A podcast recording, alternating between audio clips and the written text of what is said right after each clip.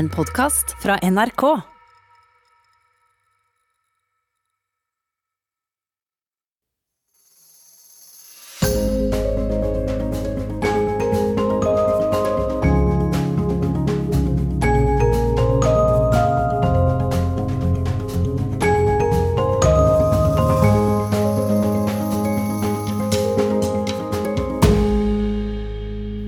Februar og en og en halv måned til premieren på stykket Superkid på Nationaltheatret. Jeg har skrevet stykket sjøl, og det handler om meg og min oppvekst. Nå har jeg reist til Sverige sammen med produsenten Sissi Henriksen. Vi skal ha leseprøve på sisteutkastet av stykket sammen med regissøren Josette Bushell Mingo. Vi sitter på kontoret til Josette i Stockholm, og mens jeg leser manuset for dem, kjenner jeg en eh, klump i magen og en uro i kroppen jo nærmere slutten av stykket jeg kommer. Stemmen min begynner etter hvert å skjelve, det blir vanskeligere for meg å puste, og jeg begynner å hyperventilere. Tårene triller ned kinnet mitt mens hele kroppen min nå skjelver som om jeg fryser. Regissøren sier Just breathe, love. Breathe through it. Tankene mine begynner å spinne. Jeg stopper å lese og sier jeg klarer ikke det her. Jeg klarer ikke. Yes, you can. Just breathe, sier Josette med varm og rolig stemme. Skuespilleren i meg tenker at det som skjer nå, er veldig interessant. Et fascinerende studie i menneskelig psykologi, menneskelig atferd. Hvor langt kan man presse en person psykisk under en ekstrem stressa situasjon før det sier stopp? Men jeg, privatpersonen Kingsford, tenker at det å skal lage og fremføre det her stykket er en så dårlig idé. Jeg vil bare brenne manuset og løpe så langt bort fra alt som har med Superkid å gjøre, stikke til Bahamas eller noe. Alt, bare ikke det her. Er det riktig av meg å gjøre det her, å blottlegge meg sjøl på scenen sånn her? Hvordan vil det påvirke familien min? Hvordan vil det påvirke faren min, og, og hva vil folk tro om meg når de har sett forestillinga? Hva faen er det du driver med, Kingsford? Faen, faen, faen, faen, faen. Pust. Regissøren sa pust. Jeg prøver å samle de her to motstridende tankene. Det går bra, sier jeg. For regissøren har rett. Jeg stoler på henne, og jeg stoler på produsenten. Josette og Sissi er der for meg, uansett hva som skjer. Men jeg må komme meg gjennom denne emosjonelle reisen på egen hånd for å kunne spille forestillinga om seks uker. Man må gjennom det mørke, det vanskelige, for å komme til lyset på andre sida, sa noen til meg en gang. Så jeg leser videre, med gråtkvalt stemme, halvt ropende som om det bare er noen meter igjen av en maraton, og du må skvise ut det siste du har av energi for å fullføre og komme deg i mål. Jeg heter Kingsford Siajord, og jeg er skuespiller. De siste to årene har jeg jobba med min egen forestilling Superkid, og i mitt vinter i P2 skal jeg fortelle om den tøffe og personlige prosessen det har vært, men også om hvorfor skuespilleryrket ble så viktig for meg. Can I kick it? Can I kick it? Can I kick it? Can I kick it? Can I kick it? Can I kick it? Can I kick it? Da jeg gikk på ungdomsskolen hjemme i Tromsø, oppdaga jeg skuespill for første gang. Jeg husker at jeg gikk i åttendeklassen. klassen, Jeg husker at det snart var påskeferie, og jeg ville ikke være hjemme i ferien. Så så jeg en sånn eh, plakat på skolen hvor det sto at det skulle være skolerevy. Polarshow, het det. Og jeg meldte meg på det. Og man skulle lage en sånn eh, liste med tre ting man kunne tenke seg å gjøre i løpet av eh, påskeferien. Jeg skrev på nummer én cateringgruppa, for da kunne man jo lage mat til de andre som var med på revyen. Og på nummer to så skrev jeg lys, eller sceneteknikk, fordi det hørtes spennende ut, og på nummer tre så skrev jeg ingenting. Men så stoppa en av revylederne meg tilfeldigvis i gangen på skolen en dag. Hei, du, du burde melde deg opp som aktør. Jeg tror du hadde passa veldig bra til å være på scenen. Jeg nikker til han, men tenker nei, det er ikke noe for meg. Nei, det er jo ikke det. Men det rare var at jeg skrev aktør opp som nummer tre på lista mi. Ja, siden jeg ikke hadde noe annet der uansett. Så ble jeg kalt inn på en sånn uh, audition, og så dro jeg på den her uh, audition, og så gjorde jeg det de sa at jeg skulle gjøre på den her audition. Etter noen dager kom det en sånn liste opp i gymsalen med navnene på alle dem som hadde blitt aktører, og jeg husker hvordan alle dem som så navnet sitt på denne lista, hvor glad de ble. Jeg husker jo også alle dem som ikke så navnet sitt på denne lista, hvor trist de ble. Navnet mitt sto på lista, men jeg tenkte ikke så stort på det. Men så kom bestevennen min og sa hei, ikke vær med på det der, det er dritt. Greia var at eh, broren hans var noen år eldre enn oss, og han hadde gått på samme skolen og vært med på samme revyen, og han hadde sagt at revyen ikke var noe bra. Så vennen min sa du kan heller bli med meg på hytta, og så kjører vi scooter og spiller Snake.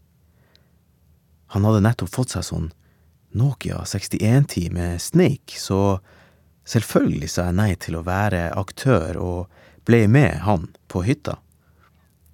Og vi kjørte scooter, og vi spilte Snake og spiste masse godteri og hadde det så gøy. Etter påskeferien så dro jeg og så på denne skolerevyen. Mens jeg satt i salen og så på, så tenkte jeg det ser ut som de har det så gøy på scenen. Og så får de meg til å føle alle de her følelsene, får meg til å føle meg så bra. Etter det meldte jeg meg opp hvert år på skolerevyen, på ungdomsskolen. Jeg fant en sånn frihet i det å kunne være noen andre, i å kunne spille andre. For eh, hjemme var ikke livet så lett. What's going on? Yeah,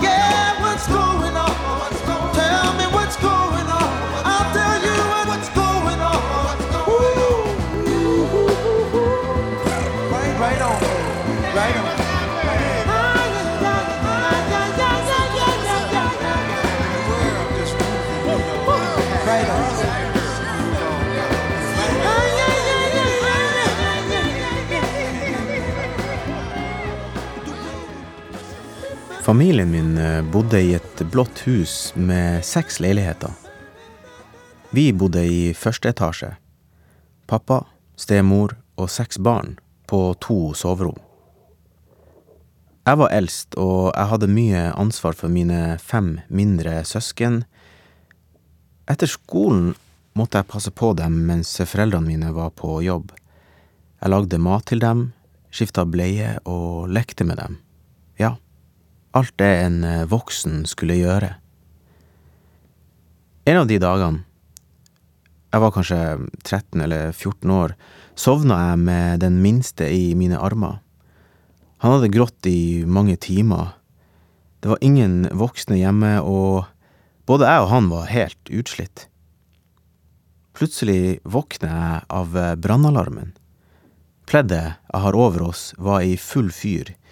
I et millisekund så ser jeg at eh, lillesøstera mi står med en fyrstikkeske hun har funnet, og sikkert bare ville leke med. Jeg kaster pleddet av meg og hopper på det for å slukke flammene. Jeg tar ut batteriet ut av eh, røykvarsleren og tenker at jeg må fjerne all spor av brann. Så jeg kvitter meg med mitt favorittpledd og lufter godt ut. Det å være redd for brann er naturlig, men eh, jeg var livredd for noe annet. Redd for hva faren min ville komme til å gjøre med oss om han fikk vite om det som hadde skjedd. Det meste av oppveksten min var prega av situasjoner som det her. Fravær av omsorg og en eh, konstant redsel for en far som skjefta, ydmyka oss og slo. Jeg tenkte ofte at det var min egen skyld. Men midt i alt det som var vondt, fant jeg et fristed i det å spille teater.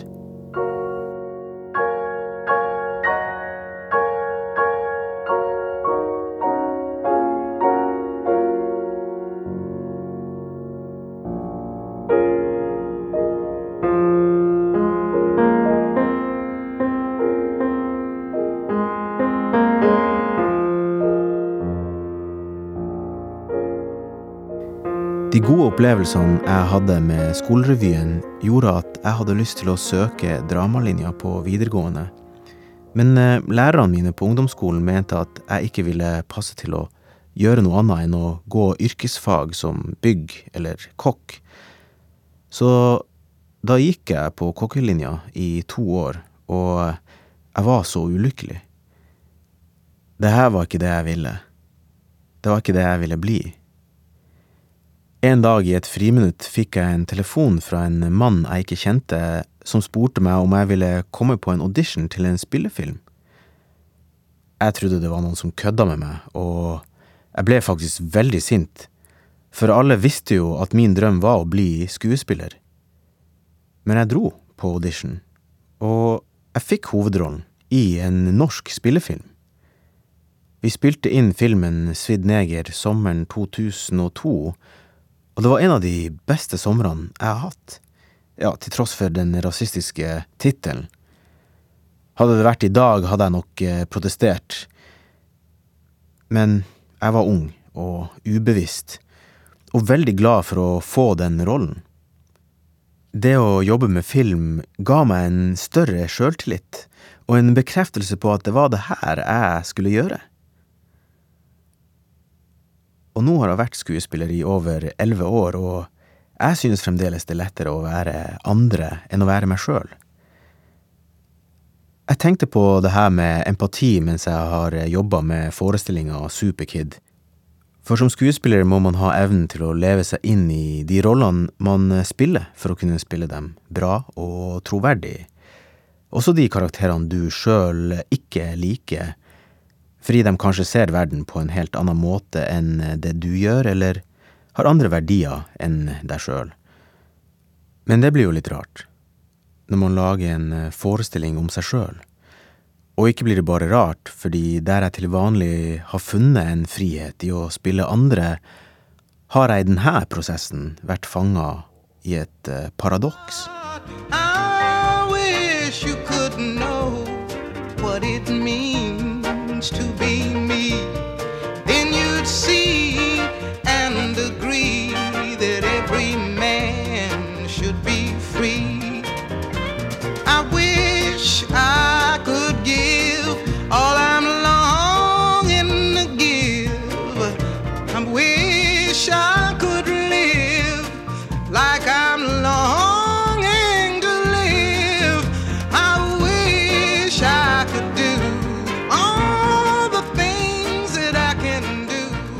Det her er Vinter i P2 med skuespiller Kingsford Siajord. Jeg forteller om arbeidet med min egen forestilling Superkid, et eh, teaterstykke som handler om min egen oppvekst, og der jeg har eh, drevet et slags eh, detektivarbeid som har gått dypere og dypere ned i det som skjedde med meg. I barndommen min ble jeg utsatt for fysisk og psykisk vold. Hver dag var som å gå på eggeskall. Og selv om barnevernet etter hvert ble kobla inn og jeg også fikk en fosterfamilie, har jeg gått til psykolog mesteparten av mitt eh, voksne liv. Hodet mitt fylles stadig med bilder, og følelsen jeg hadde den gangen kom tilbake for fullt mens jeg jobba med forestillinga. Men det første manuset jeg leverte ifra meg, var en helt annen utgave enn eh, sisteutkastet. Jeg hadde først skrevet fra 14-årsperspektivet mitt. Jeg fokuserte på hvordan jeg klarte meg gjennom det traumatiske oppveksten ved å skrive om de bra tingene i mitt liv på det tidspunktet, Og så kunne de vanskelige tingene liksom være i bakgrunnen. For som barn så har man en tendens til å male over det som er vanskelig, og bare huske det som er bra. Eller jeg gikk i hvert fall ikke inn i dybden på hvorfor det som var vanskelig, var vanskelig. Det er en slags overlevelsesmekanisme. En måte å holde hodet over vann på for å ikke å drukne. Men så utfordrer regissør Josette Buchel Mingo meg til å dykke dypere, skrive mer ærlig, ja, rett og slett skrive et nytt manus, fra et voksent perspektiv. Og produsenten Sissi Henriksen foreslo at jeg kunne bruke barnevernsmappa mi som en del av stykket og lese utdrag fra den. Å lese fra barnevernsmappa mi til publikum? Er dere fette gal, tenker jeg. Nei, nei. Det er som å be meg om å hoppe inn i et ormebol med giftige slanger, nakent, mens folk fra hele verden ser på. Og jeg er livredd slanger. Da mener jeg livredd.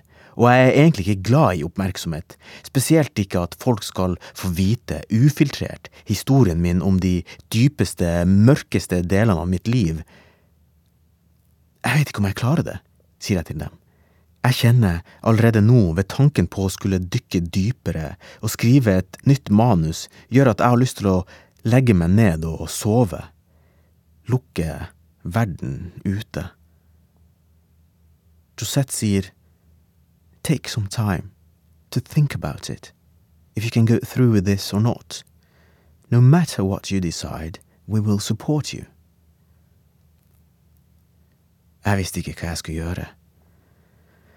Prosessen hadde vært så interessant.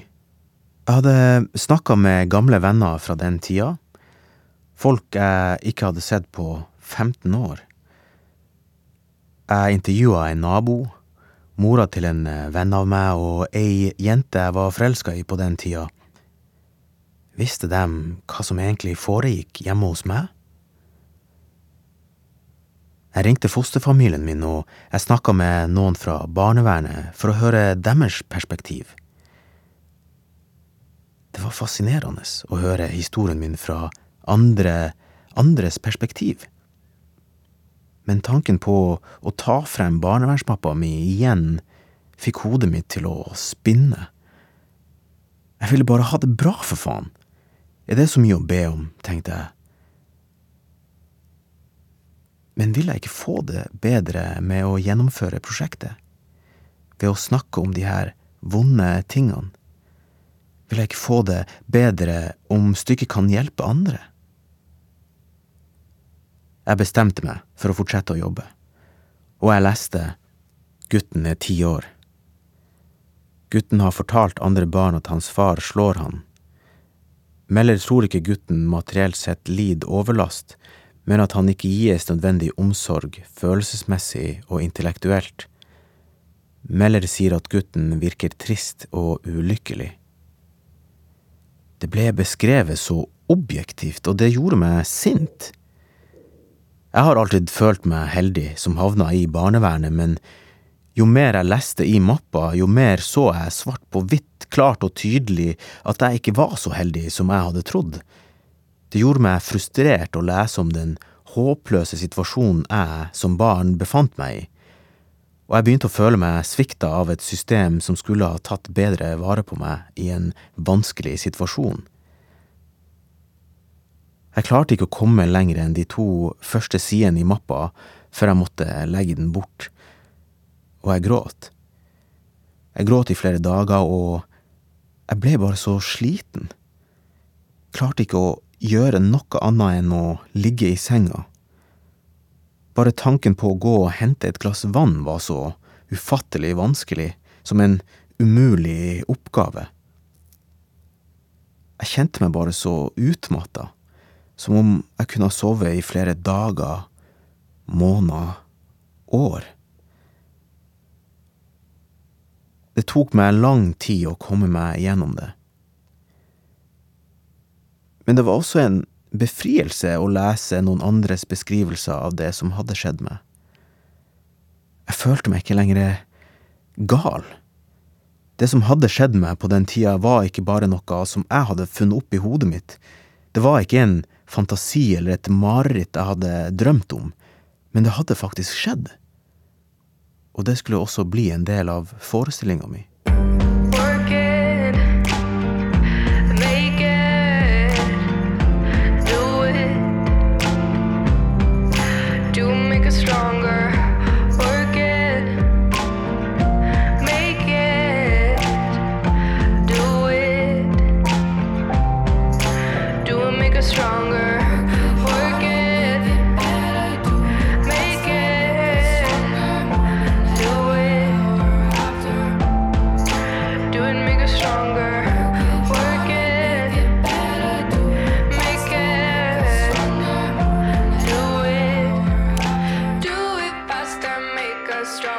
Det nye manuset ble skrevet, og vi starta øvingen.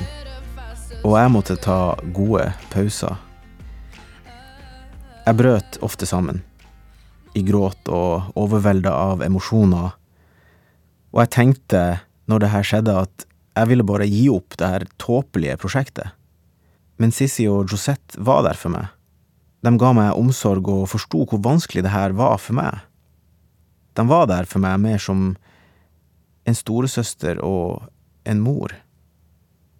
Men en uke før premieren på stykket slår koronapandemien Norge, og Nationaltheatret stenger og Superkid blir utsatt på ubestemt tid.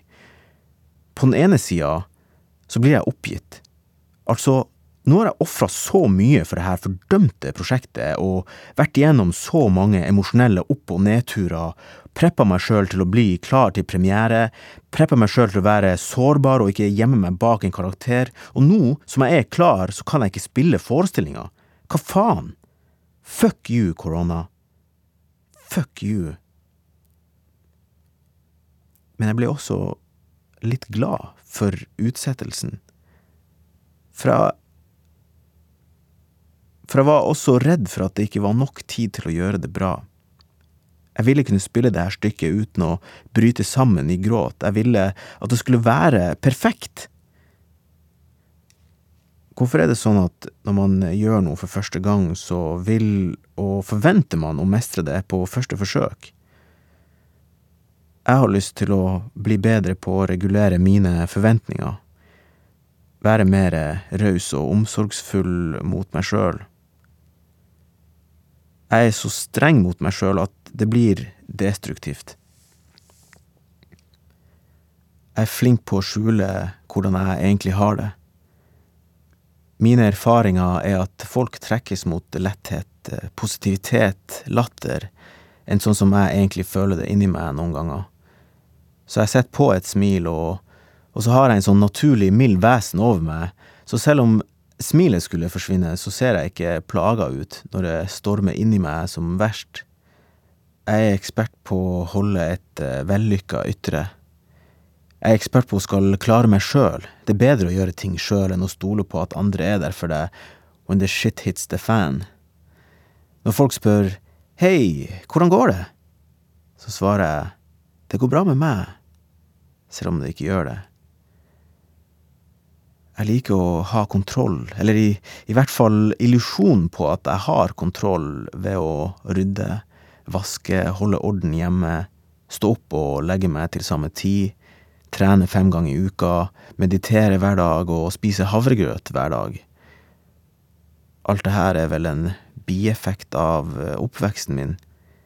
En måte å prøve å holde på en eh, kontroll som jeg ikke hadde som barn, for å holde demonene på avstand. Når jeg føler på avmakt, så må jeg trekke meg unna. Livet mitt er en minefelt med triggere for gjenopplevelse av traumer, så det er ofte jeg trekker meg unna. Trekker meg unna mennesker som bryr seg om meg, unnviker potensielle positive opplevelser. Tingen med sterke traumer fra barndommen er at du blir aldri helt kvitt det. Selv etter mange hundre timer hos psykolog, eller etter å ha laga et eh, helt teaterstykke om det, for den saks skyld. Man lærer å leve med det. får noen redskaper til å håndtere det så det ikke er like potent. Så det ikke har like stor makt over det. Men det går aldri bort. Som et sår som aldri helt heles. Jeg ønsker deg alt godt, min Gud. Mange gleder og lite sult. At livet må leike og falle seg ut. Som fuglesang i skogen. Jeg ønsker at trea må vekse for deg, at skogen må åpne seg fin til ein veg, at åsar bak åsar må løfte dine steg, så du kan lette som fuglen. Det her er Vinter i P2 med skuespiller Kingsford Siajor. Koronapandemien sørga altså for at jeg fikk mer tid til å forberede meg på premieren til stykket mitt Superkid, men eh, det gjorde også sånn at jeg hadde mer tid til å grue meg. Men i juni skjer det. Endelig skal vi ha premiere. Når vi starter opp med øvingen igjen en uke før premieren, er det som om noen kaster meg i det iskalde havet ved Nordpolen, og jeg må lære meg å svømme på nytt. To måneders pause har fått meg til å glemme hvor vanskelig alt det her egentlig var, og for hundrede gang i denne prosessen har jeg lyst til å gi opp. Men jeg må jo fortsette, tenker jeg. Vi er jo så nær nå, og jeg vil bare få dette prosjektet overstått.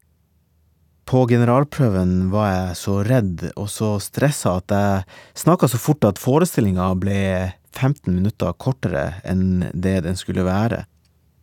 Natt til premieren fikk jeg ikke sove, enda jeg la meg tidlig og alt. Jeg la meg klokka ti, men jeg følte meg bare så varm, og jeg svetta og fant ingen ro, enda vinduet sto åpent og vifta sto på. Det kjentes ut som om hjertet skulle hoppe ut av brystet. Klokka ett på natta måtte jeg bare stå opp og gjøre noe annet. Jeg leste litt i en bok. Jeg skulle jo egentlig ha stått opp etter 20-30 minutter når jeg ikke fikk sove, tenkte jeg, fordi det har jeg jo lest et sted, men jeg sto opp tre timer etter. Jeg klarte ikke å få med meg noe av det jeg leste i boka, fordi tankene mine bare suste rundt i hodet mitt. Hvordan ville Superkid blitt tatt imot? Gud, og hva kommer pressen til å si? Hva om de slakter det her? Hadde det vært et annet stykke som ikke var mitt eget, så hadde ikke jeg tenkt så mye på det her, men jeg er jo helt naken, og jeg har ingenting å gjemme meg bak. Jeg vet ikke om jeg klarer å overleve det om noen kritiserer stykket. Jeg vet ikke om jeg overlever det, tenker jeg. Klokka to legger jeg meg igjen. Men det er ingen søvn å få.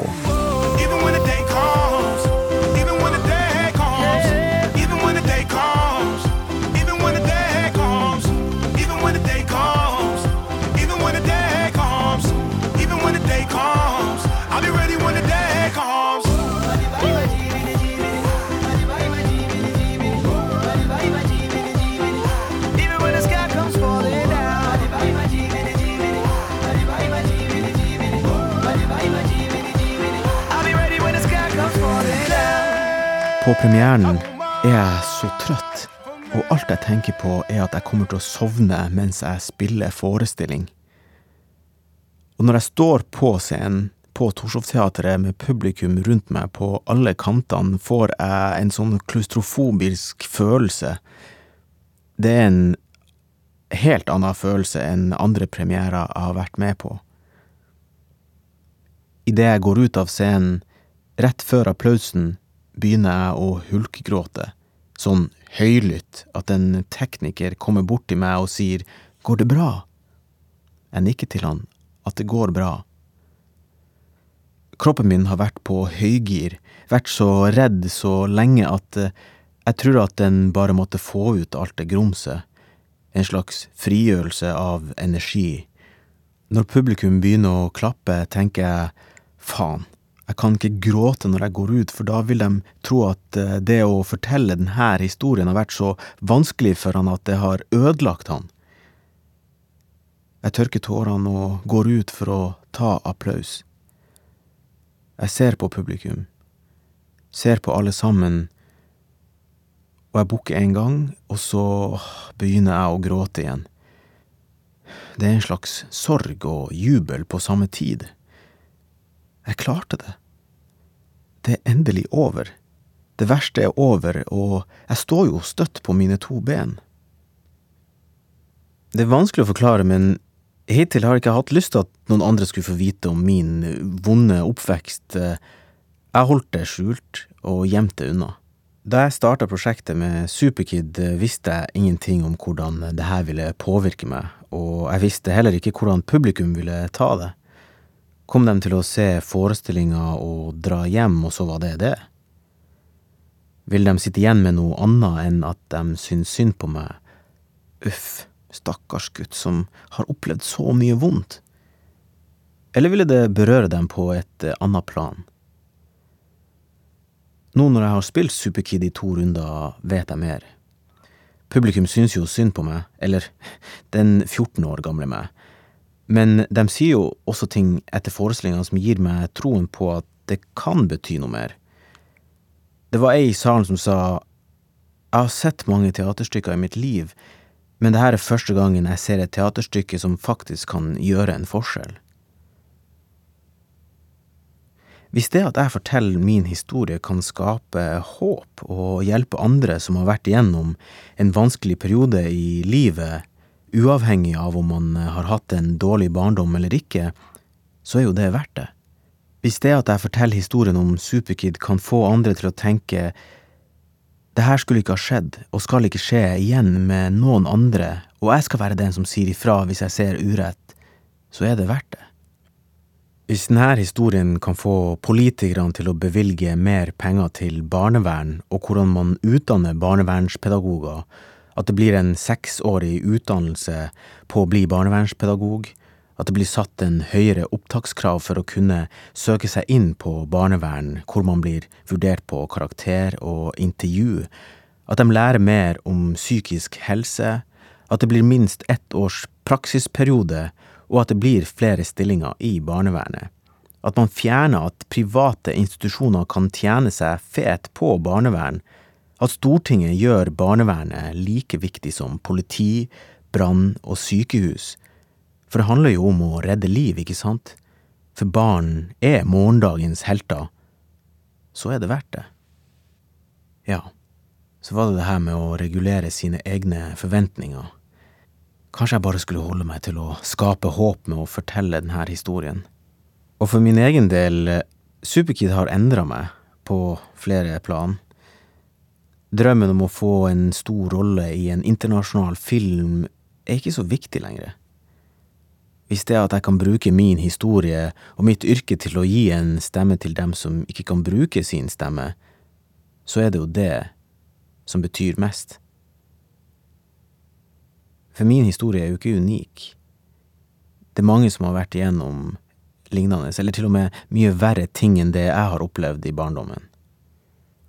Jeg vil lage scenekunst som betyr noe, som berører, og som kanskje kan eh, endre holdninger.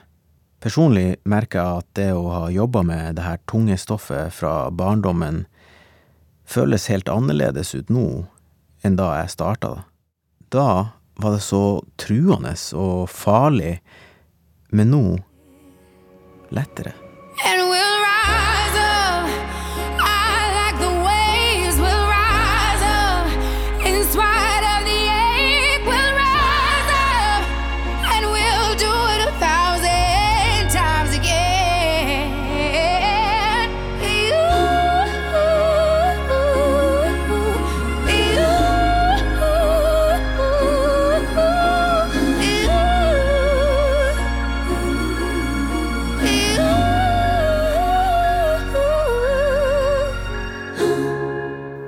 Dette var podkastversjonen av Vinter i P2 med Kingsford Siajord. Produsent og manuskonsulent var Anne Bøhler. Teknisk ansvarlig var Helje Svensson. Og du finner alle de andre gjestene våre i appen NRK Radio.